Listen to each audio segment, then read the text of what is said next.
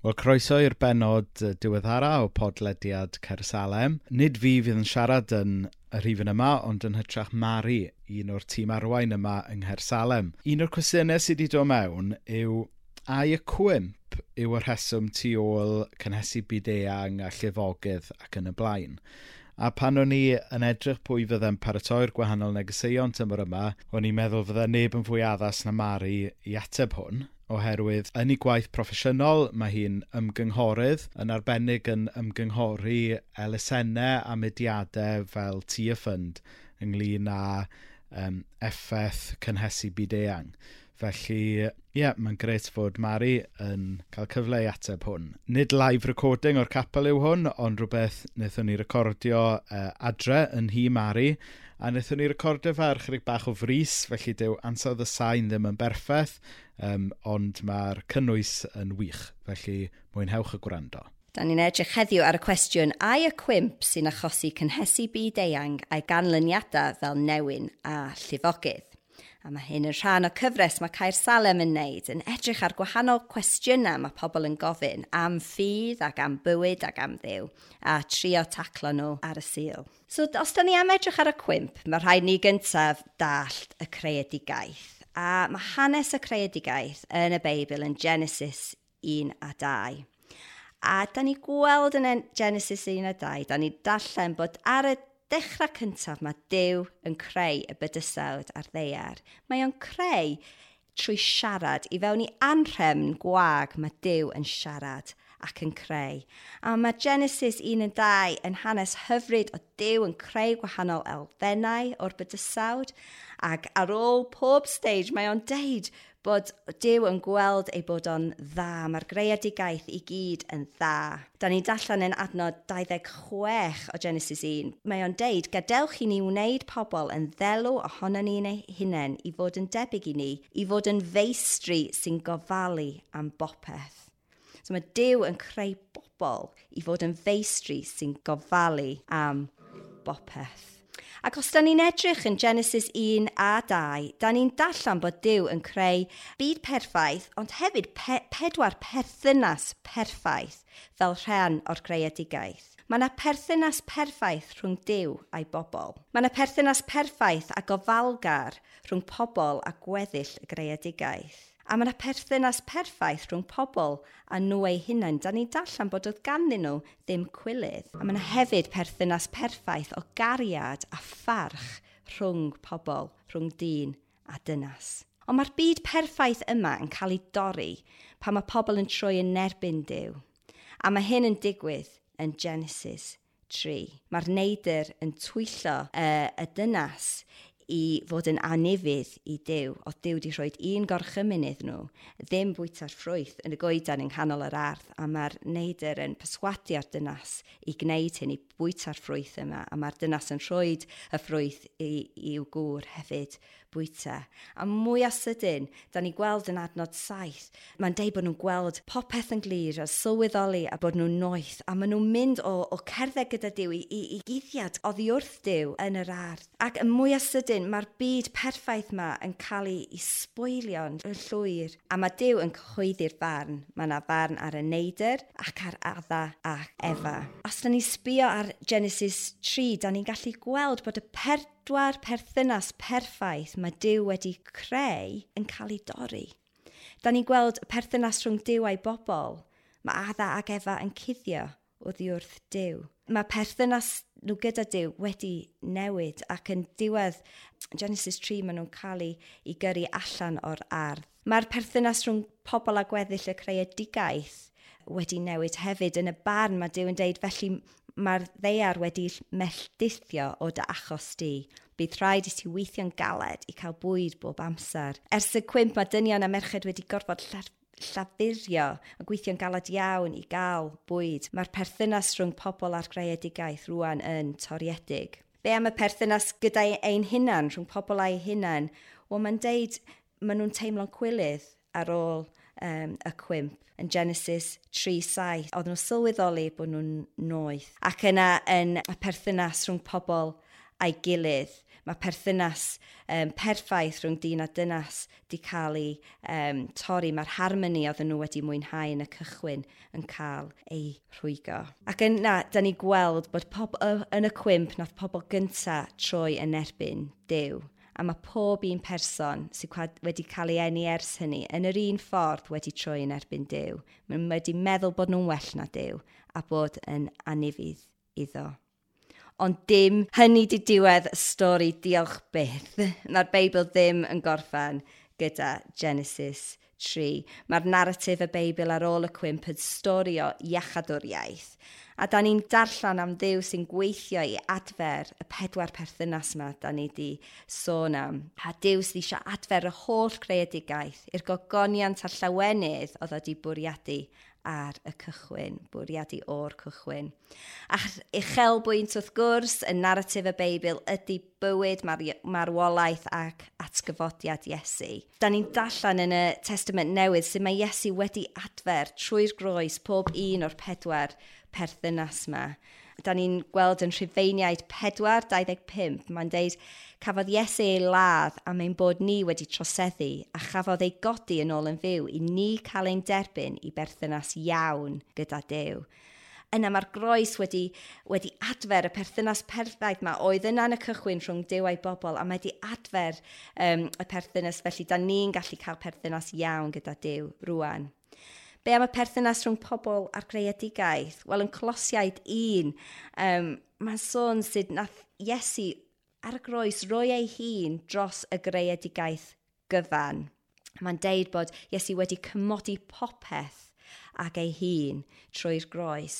Mae, mae Iesu wedi marw i gymodi y holl greadigaeth ac ei hun. Y perthynas rhwng ni a'n hunan, da ni'n cael ei galw blant dew unwaith eto, un Iowan 3, 1 yn deud, mae'r perthynas yna wedi adferth. A wrth gwrs y perthynas rhwng bobl, mae'r testament newydd yn llawn, y gorchymyn i ni fel Grisnogion caru ein gilydd, caru pobl eraill ac i feddwl yn, yn bwysig am y, y rhai mwy o tlawd a bregus yn ein byd. So mae Iesu wedi marw i adfer bob un perthynas. Ond wrth gwrs, mae, be mae Iesu wedi cychwyn, mae o yma mewn rhan, ond fydden ni ddim gweld y deyrnas newydd yma yn ei oll llygoniant tan y dyfodol pa mae Iesu yn dychwelyd i'r ddeiar. So, da ni byw yn y tensiwn o'n the now and not yet of the kingdom, ond fel pobl dew, da ni'n cael y fraint o gerdded a gweithio gyda fo um, yn ei waith o, o adferth y pedwar perthynas yma, da ni wedi sôn am. So, dyna ni, da ni wedi edrych yn, yn sydyn iawn ar y cwmp. A, I dallt y bit nesaf cwestiwn, da ni angen dallt beth sy'n digwydd gyda cynhesu byd eang. Wel, mae um, mis Chwefror wedi bod yn, yn glib iawn do yma yng Nghymru, a, a deud y gwir oedd ar mis Chwefror mwyaf glib ers i cofnodion cychwyn yn 1862, a da ni wedi weld llawer o um, lluniau a golygfeidd dor calonus iawn o, o llefydd yn De Cymru a llefydd eraill sydd wedi diodda o llifogydd ofnadwy ar yr un pryd, ond heb daro'r penawdau eto, mae dyheidir Africa yn gwynebu sychder mwyaf ers 35 mlynedd. A mae yna 45 miliwn o bobl yn gwynebu prinder bwyd difrifol yn yr ardal yma ar hyn o bryd. Y reality ni ydy yn 2020, mae'r byd yn cynhesu a mae'r hinsawdd yn newid a mae pobl yn ddioddau. So jyst i egluro'n sydyn iawn beth ydy cynhesu byd eang, mae gen y ddeiar blancad naturiol o nwyddau sy'n trapio gres yr hael um, i cadw'r ddeiar y temheredd iawn, ond wedyn mae'r gres yn gallu dianc nôl allan hefyd, so mae yna'r saicl yma a mae'r ddeiar yma yn yn cadw y tymheredd perffaith i fywyd. Ond beth sy'n digwydd trwy llosgu fossil fuels, glo, olew a nwy, mae nhw'n relisio nwyon tu gwydr neu greenhouse gases sy'n trapio mwy o wres. So mae'r ma, gres yn dod i fewn o'r hael ond methu uh, sort of dianc yn yr un ffordd. A, ac yna hefo'r gres mae'n trapio, mae ma tymheredd y byd yn codi a dros y 40 mlynedd dwytha mae nwya'n tŷ gwydyr wedi dwblu. Nawr, mae hwnna yn um, eglurhad byr iawn a syml iawn o newid e, hinsawdd, cynhesu byd eang, ond mae jyst rhoi syniad i, i ni beth sydd yn mynd ymlaen. A mae fossil fuels yn cael eu um, llosgu trwy gwahanol ffyrdd, trwy diwydiant, trwy ceir a werynau, trwy ynni yn yn cytrefu ni, a'r ffordd gwastraffus da ni medru byw hefyd.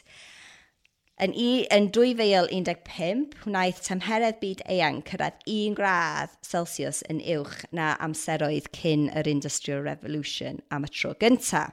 Nawr, mae 1 gradd Celsius ddim yn syniad yn lot, yn wedig dwi'n byw yn Gynarfon, a sa 1 gradd Celsius mwy cynnes, reit neis, um, lot o'r amser. Ond actually, mae hwn yn catastrophic i'r byd. Mae'r ma, newid mae hyn yn creu yn upsetio'r balans perffaith ddyliau bod yma yn, yn creu hafoc um, a dydy o ddim yn ffenomenon naturiol o, o gwbl. Mae'n lot o lefydd yn llawer bwythach na un gradd Celsius a da ni'n clywed record ar ôl record o'r temherau ychal yn cael ei dorri uh, yn gwahanol lefydd.